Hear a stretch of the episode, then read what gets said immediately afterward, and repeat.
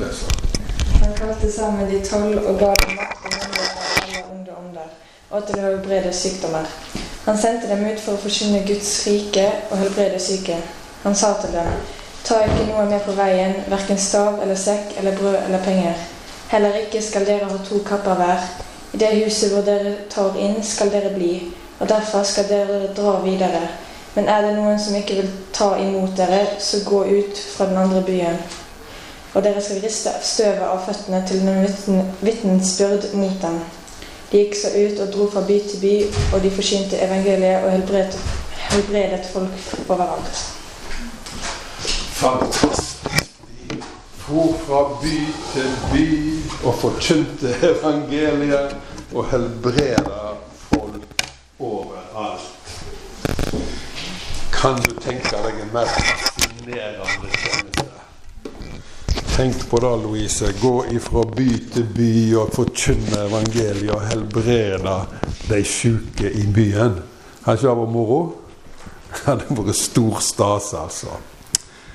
Ok. Det første vi skal se på i denne teksten, da, er at Jesus kalte de i sammen. Jesus kalte de i sammen. Jesus, han elska når vennene samles. Han kalte de sammen. Hjemme nå så har vi en hund. En stor, hvit hund som heter Koda. Samoye. Den er sånn han vil alltid holde flokken samla. Så når folk er ute og går på tur, og den ene kommer litt bak, eller den andre kommer for langt framfor, så gjeter han folk sammen. Og sånn er Jesus litt. Grann. Han kalte de sammen. Han elsker fellesskap. Noen av oss er kanskje litt grann sånn individualistiske, og vi ønsker helst å sitte litt for oss sjøl og holde på med ting. Men Jesus han syntes det var så kjekt når folk var sammen. Det var så mange velsignelser som kom av det. Og det er det fremdeles. Derfor så kaller Jesus oss sammen. Og vet du hvorfor du er her i dag? Jo, fordi Jesus har kalt deg hit. Han kaller oss sammen. Og hva gjør Jesus når han kaller folk sammen? Jo, han utruster de til tjeneste.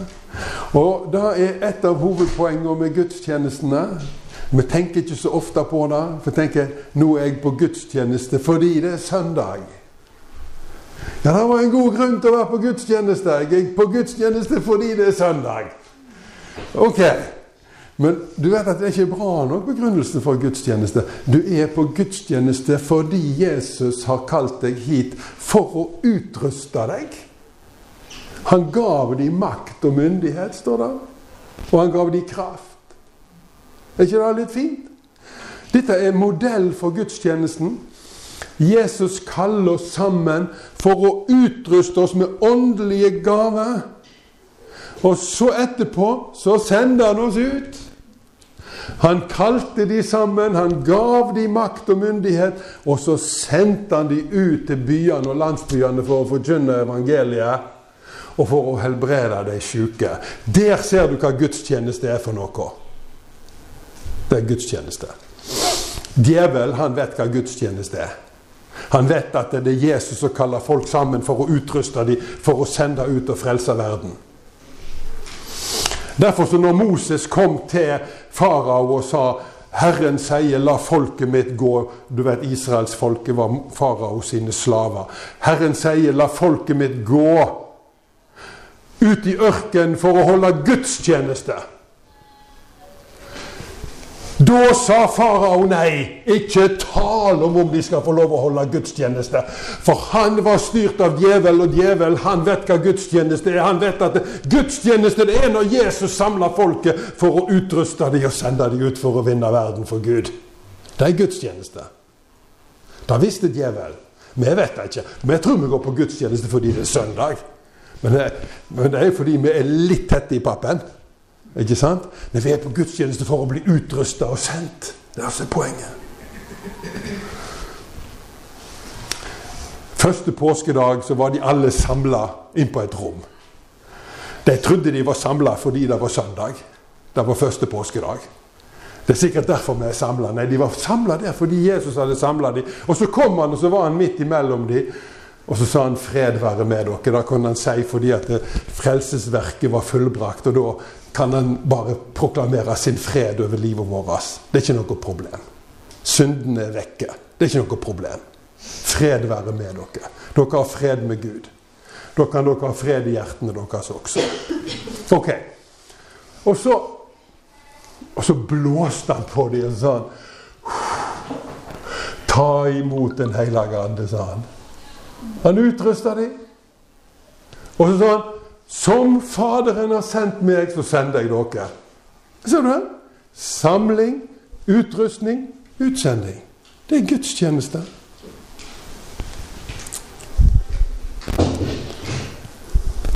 Hmm.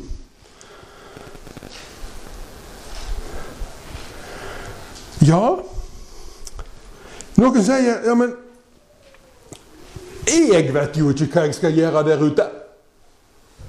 Jeg, han har jo ikke sagt noe til meg om hva jeg skal holde på med der ute i verden. Hvis han har sendt deg, så vet sikkert du hva du skal gjøre, men han har jo ikke sagt noe til meg.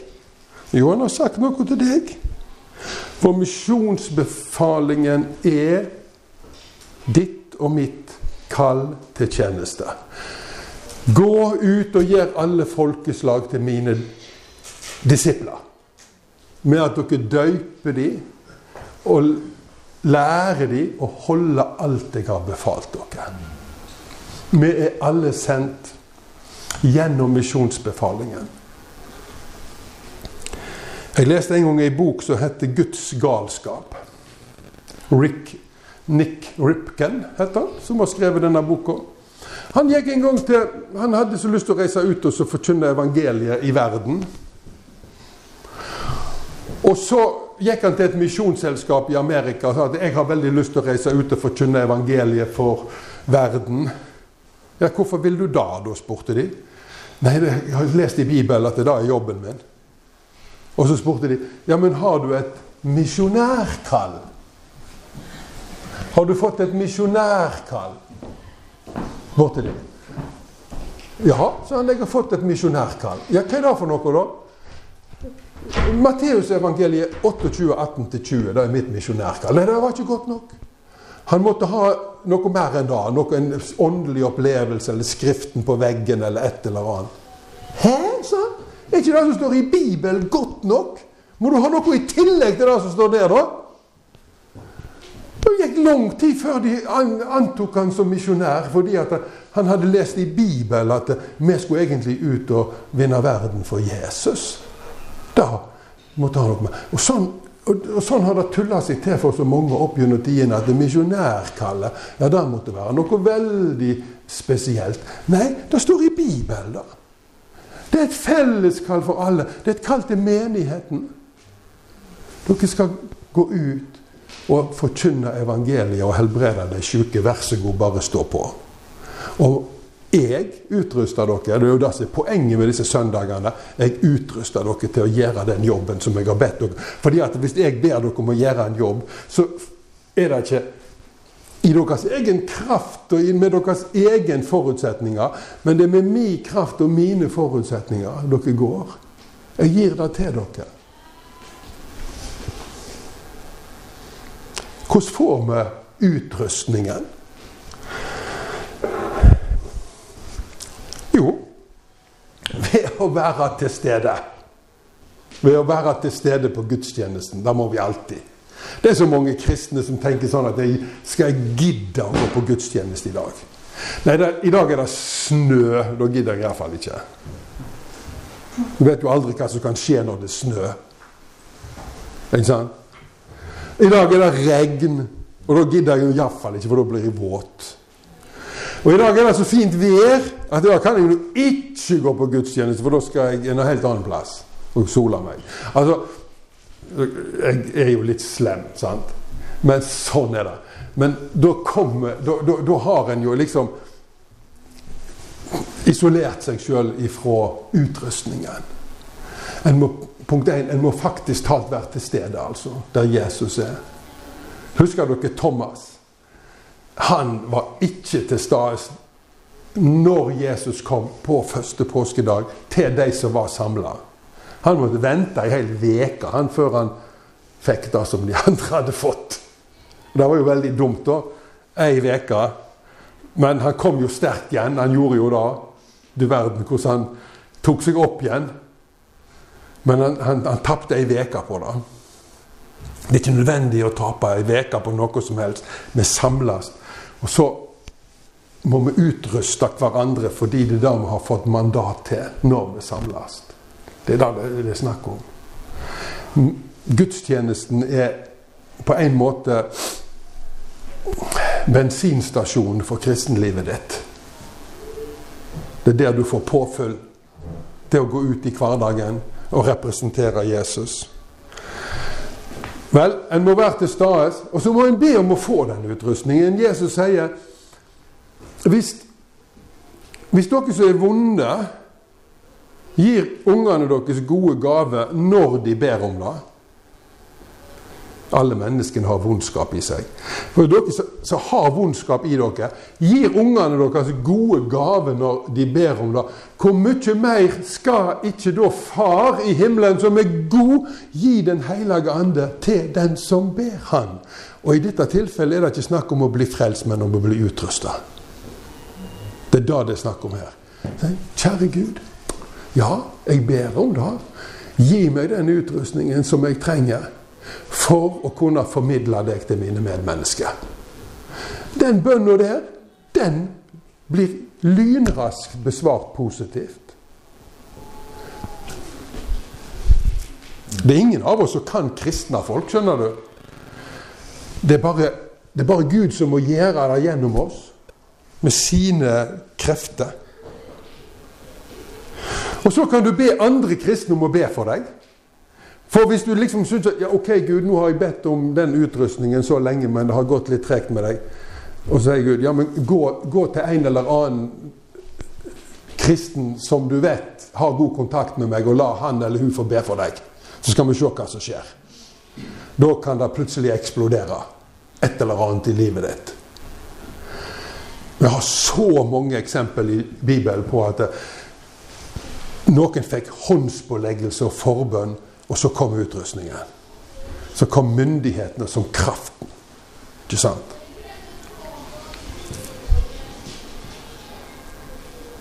Og så er det én ting som er viktig med utrustningen. Det er at Den er ikke først og fremst en sånn brusende følelsessak. Det er en trussak. Og Jesus sa når dere ber om noe, så må dere tro at dere alt har fått det, så skal dere erfare det. Og Derfor sier vi takk Gud, nå har jeg bedt om dette her. Tusen takk for at jeg har utrustningen. Jeg bare går på den, jeg. Ok. Jeg, jeg liker holdningen din, sier Gud. Jeg liker holdningen din. Er det noe som Gud liker i ditt og mitt liv, så er det når vi tror på Han. Da syns han er stas. Det er jo så enormt mange som er så skeptiske til han. Men med en gang han treffer noen 'Å, oh, du tror på meg!' Den likte jeg. Det er stas.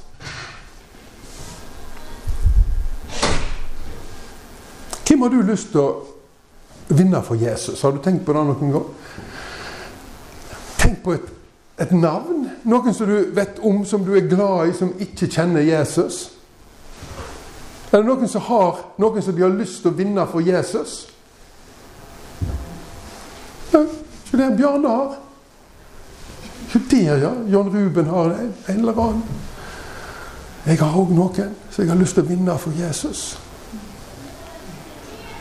Hvordan gjør vi det, da? Vi må begynne å be for dem. Og så må vi kanskje være snill med dem. Det er en god ting. Og så må vi tørre. Vi, vi må tørre å si noe til dem. Fordi at eh, trua blir skapt av Guds ord. Gjør det. Du, du kommer ikke unna det. Og så må vi bare vite da at det... Ok, Gud, takk for at jeg har utrustningen. Du gir meg visdommen nå når jeg sier noe. Ikke sant? Du kan ikke bare sette opp en sånn der modell som passer for alle. Jesus han behandler folk veldig individuelt, så den kan ikke ha en sånn fellesmodell. Det ligger en sånn derre eks... Ja? Det hjelper òg at, eh, at vi ser på oss sånn som Gud ser på oss. Ja. Gud vet at vi ikke er perfekte. Ja. Hvis vi tenker sjøl at vi trenger ikke å framstå perfekt, Ja. allikevel så kan peke på Han, Ja. så er terskelen litt lavere for å kunne peke på Han. Ja. Eh, fordi at vi, vi I kjenner jeg på det av og til at vi er livredd for å gjøre en feil. Livredd for å gjøre noe som var ikke, det var, ikke på rett måte. ikke sant? Mm. Eh, hva tenker jeg liksom, dette med menneskefrykt og sånn. Så, så hvis vi ser på oss eh, som Gud ser på oss, så har vi rett at vi trenger Han. Ja, ikke sant? Eh, Skal vi vente til vi blir perfekte, så blir det ingen frelst. Det gjør jo ikke det. Altså, det er jo en eller annen grunn til at vi har tatt imot Jesus. Hele gjengen. Vi er frelste syndere, og da, sånn blir vi hele livet, altså. Egentlig. Men det er noe i dette her med Jesus. altså Han tenker på byene og landsbyene. Legger du merke til det? Han, han sendte de ut til byene og landsbyene. Det er en sånn ekspansjon i dette her med Jesus og Guds rike. Det skal vokse, det skal bre seg. Dere må gå til landsbyene, for der er det så mange folk som ikke kjenner meg, og som jeg er så glad i, og de er syke, og de er plaga av vonde ånder. Og dere sitter med nøkkel. Kom igjen, folkens. Ekspander. Og Derfor er jeg så glad for denne kirkeplantingsbevegelsen som nå begynner å ta tak i menighetene rundt omkring. At vi er ikke egentlig her bare for å vinne nye mennesker i lokalmiljøet, men vi er her også for å plante nye menigheter i nye lokalmiljø. Like naturlig som det er at vi som kristne reproduserer oss, like naturlig skal det være at menighetene reproduserer seg. Så tenker vi ja, men vi er nå små og svake. Ja, men så sier Gud gi nå blaffen i dag, da. Jeg er stor og sterk. Og hvis dere gidder, så får dere det til fordi dere, jeg er med på laget deres. Dere må ikke se på dere sjøl. Dere må slutte med det. Det hjelper ingenting å se på seg sjøl. Enten så syns du at du er kjempebra, og da kan jeg ikke bruke deg. Eller så syns du bare at du er en eh, liten dritt, og så kryper du inn i deg sjøl, og så blir det ikke noe ut av det da heller. Men du må se på meg, sier Gud. Jeg er stor og sterk, og jeg elsker deg, og jeg er med deg, og dere skal lykkes med det her. Men dere må gidde. Dere må gidde. Dere må gidde å be til meg for å så jeg får fortelle dere hvor hen dere skal satse. Om det er på Fitja eller Sunde eller i Vikedal eller hvordan det enn er. altså. Men det er så mange rundt omkring som ikke kjenner Jesus, og som aldri får en sjanse til å bli kjent med han. Ja, men det er jo menigheter der fra før. Ja visst er det da. Og Gud velsigne hver eneste menighet. Men det er alltid plass til en til. Vet dere da? Det er alltid plass til en ny menighet. Også her på Stord for de aller, aller fleste storabua møter aldri Jesus. Vet dere det? 90% av alle storabuer møter aldri Jesus gjennom kristne som kjenner han. Så her er det plass til masse. Det bør være én menighet per 1000 innbygger. Og da på Stord så bør det være 18 stykker. Det bør det være. Disiplene fikk utrustningen, og de ble sendt ut. Før den tid så hadde de vært i lag med Jesus og gått fra by til by, fra landsby til landsby. Og de hadde sett hvordan Jesus fungerte. Han forkynte evangeliet, ba folk om å vende om. Han helbreda de syke, og han satte de besatte i frihet. Og alt dette her hadde vært kjempegøy å være vitne til. Og så hadde de kanskje fått prøvd seg sjøl bitte lite grann. Jesus sier 'gå bort til han der, der du, og be for han', og, eller 'be for hun', og sånne ting som det der. Og noen ganger hadde de fått være med og vekt opp døde òg, og de hadde sett hvordan, ting, og, hvordan Jesus gjorde ting. Og, og så sier Jesus 'Nå er tida kommet. Nå skal dere gjøre det sjøl. Nå skal dere gjøre det sjøl, men ikke uten meg. Ikke uten min utrustning. Jeg sitter her litt i bakgrunnen, men jeg sender hele tida ut min kraft og min myndighet til dere, så dere har den med dere uansett hvor dere er henne. Nå sitter Jesus i himmelen, og så gjør han akkurat det samme. Og så sitter han også i ditt hjerte og gjør akkurat det samme. Han er allestedsnærværende. Han er fantastisk.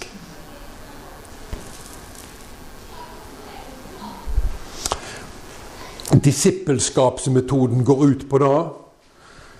Vær med mentoren din og se hvordan mentoren din jobber. Prøv sammen med mentoren din, og så sender mentoren din ut på egen hånd. Det er noe med det. Og denne måten å jobbe på, det er den bibelske arbeidsmåten. Det er disippelskapsmetoden. Der hver Ja, lærlingemetoden. Eh, og det er nesten ingen kristne som er blitt disippelgjort. Vet dere det? Nesten ingen kristne i Norge er blitt disippelgjort. Ingen vet hvordan de gjør tinga. Vi har hørt på tusen taler, men det hjelper ikke. De må ut og gjøre tingene sjøl. Tenk deg at du skulle bli bilmekaniker. Hvordan hadde du lyst til å bli bilmekaniker? Ved å sitte og høre på en bilmekaniker som talte om bilmekanikk. I dag ut og dag inn så fortalte han om styresystem og bremsesystem og hjuloppheng. Er det ikke kjekt å høre på meg, vel? Ja, Men når skal vi begynne å gjøre ting, lurer du på? Sånn er å være kristen òg. Og dette har vi ikke fått med oss. Vi glemte det for mange hundre år siden. Vi har en menighet som lir under systemsvikt. Og hvor jeg lengter etter den dagen da vi får det der til. Kjære Jesus, kan du hjelpe oss få til dette med disippelskapet? Og Dette er lederutvikling også. Hvert eneste disippelskap det er lederutvikling. Ute i verden så er det masse vekkelse. Jeg leste nå fra Angola. Masse vekkelse. I Zambia i Afrika vekkelse. I Kina Altså, mange plasser ute i verden så er det så mange som kommer til tro på Jesus. Men hva mangler de? De mangler ledere.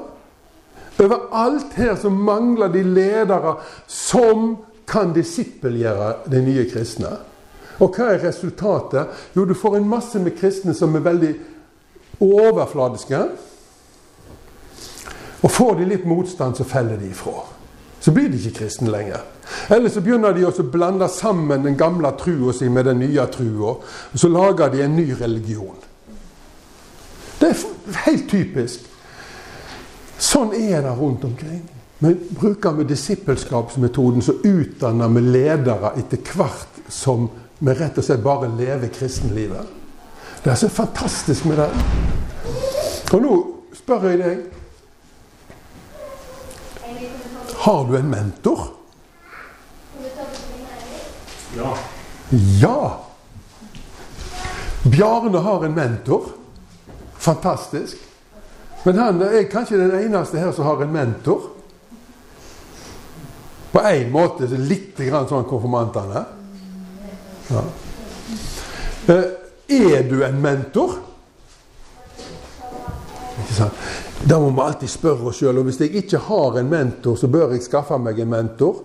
Og hvis jeg ikke har en disippel, så bør jeg skaffe meg en disippel. Som kommer sammen litt sånn jevnlig. Prater sammen, deler ting sammen. Sorger, gleder. Ber sammen. Og så hva vil Gud at vi skal gjøre sammen? Så gjør vi det. Ok. Greit.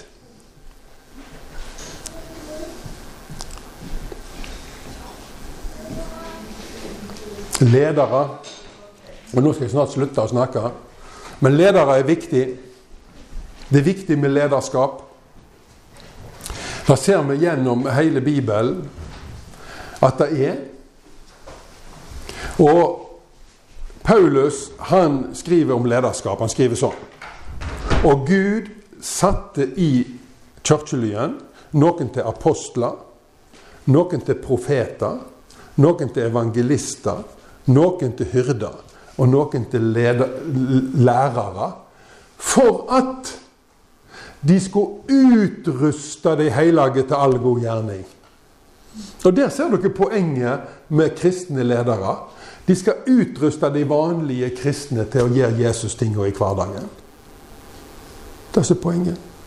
Og Hvis ikke vi holder på med det, så er det et spørsmål er vi da egentlig kristne ledere. Vi gjør et forsøk på å være det. Men, men det er utrustningsbiten som hele tida er i fokus i Bibelen. Sånn som det var i Jesu liv. Han samla de, og så utrusta han de, og så sendte han de.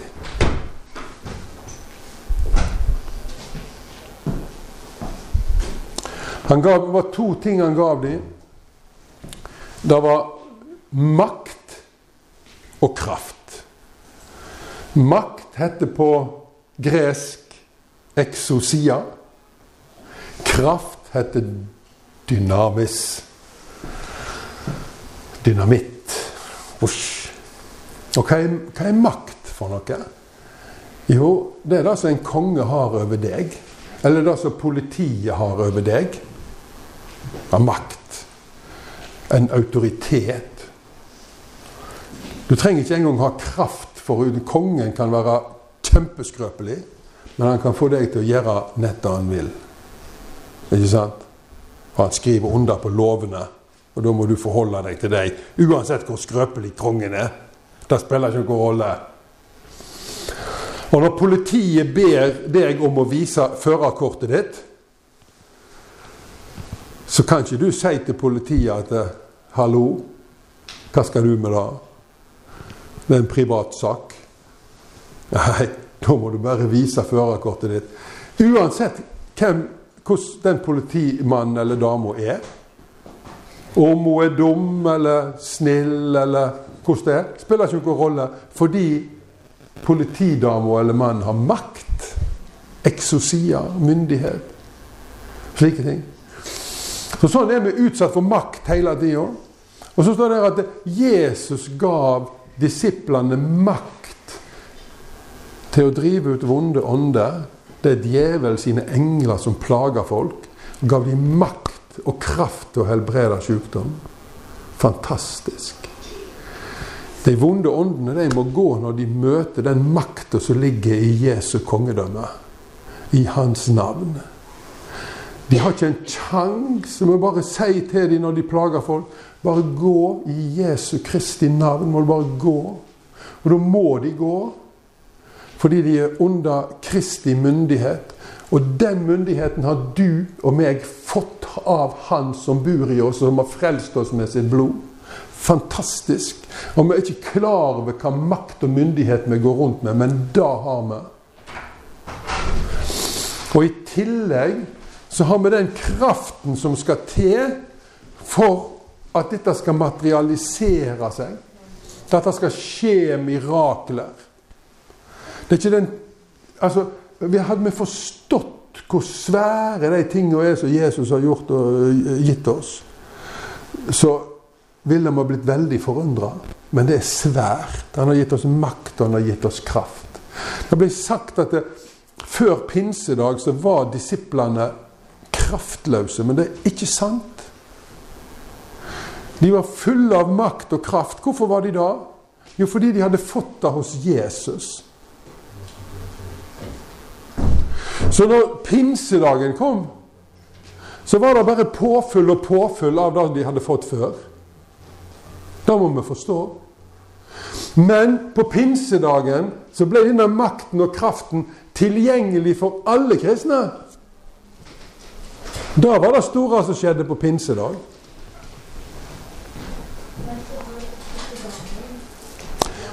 Og dette er og Nå skal jeg avslutte, men dette er fantastisk fint. Og det er På langfredag Da gav Gud alle mennesker tilgang inn i himmelriket. Da ble døra åpna på vidt gap. Jeg tenker på det hver gang jeg ser Vladimir Putin når han skal ut ei dør. Og så er det to flotte oppdressa karer som står på utsida kjempehøye dører. Veldig høye. Og så er de, så er de gullbelagt. Og så åpner de døra for Putin. Og så kommer han ut og så sier han noe tull og vas før han går inn igjen. Men. Men, men når jeg ser at dørene blir åpna, så tenker jeg på Guds rike. På korset så åpna Jesus fantastisk store Guds rike dører for oss alle. Ikke slik at Putin skal komme ut, men at vi skal komme inn til Gud vår Far. Og bare motta velsignelser i bøtter og spann hver eneste dag. Det var det som skjedde på korset. På pinsedag. Da gjorde Gud den hellige andens kraft og nærvær og makt og myndighet tilgjengelig for alle truende. Alle så fins det kristne med litt stor kraft, og så fins det kristne med liten kraft. Men alle kan få stor kraft. Det er bare å utnytte det som Jesus gjorde på korset, og komme seg så nærmt opp til Gud som mulig. Det er det. Ok, her er jeg. Og jeg går ikke herifra før du har velsigna meg. Så får du det. Hva var det Jakob sa da når han kjempa med Gud? Han skulle møte broren sin Esau, og han visste at Esau han hater meg, han kommer til å slå meg rett i hælen når jeg treffer han. Og han var kjemperedd. Og så gikk han ut i naturen dagen før han måtte Han fikk ikke sove, så han gikk ut. Det var mørkt. Og så kommer Gud til han der ute i mørket og kjemper mot han. En fantastisk fortelling som jeg ikke forstår skikkelig. Men Gud kommer til Jakob, og så kommer i en engleskikkelse. Og så slåss de.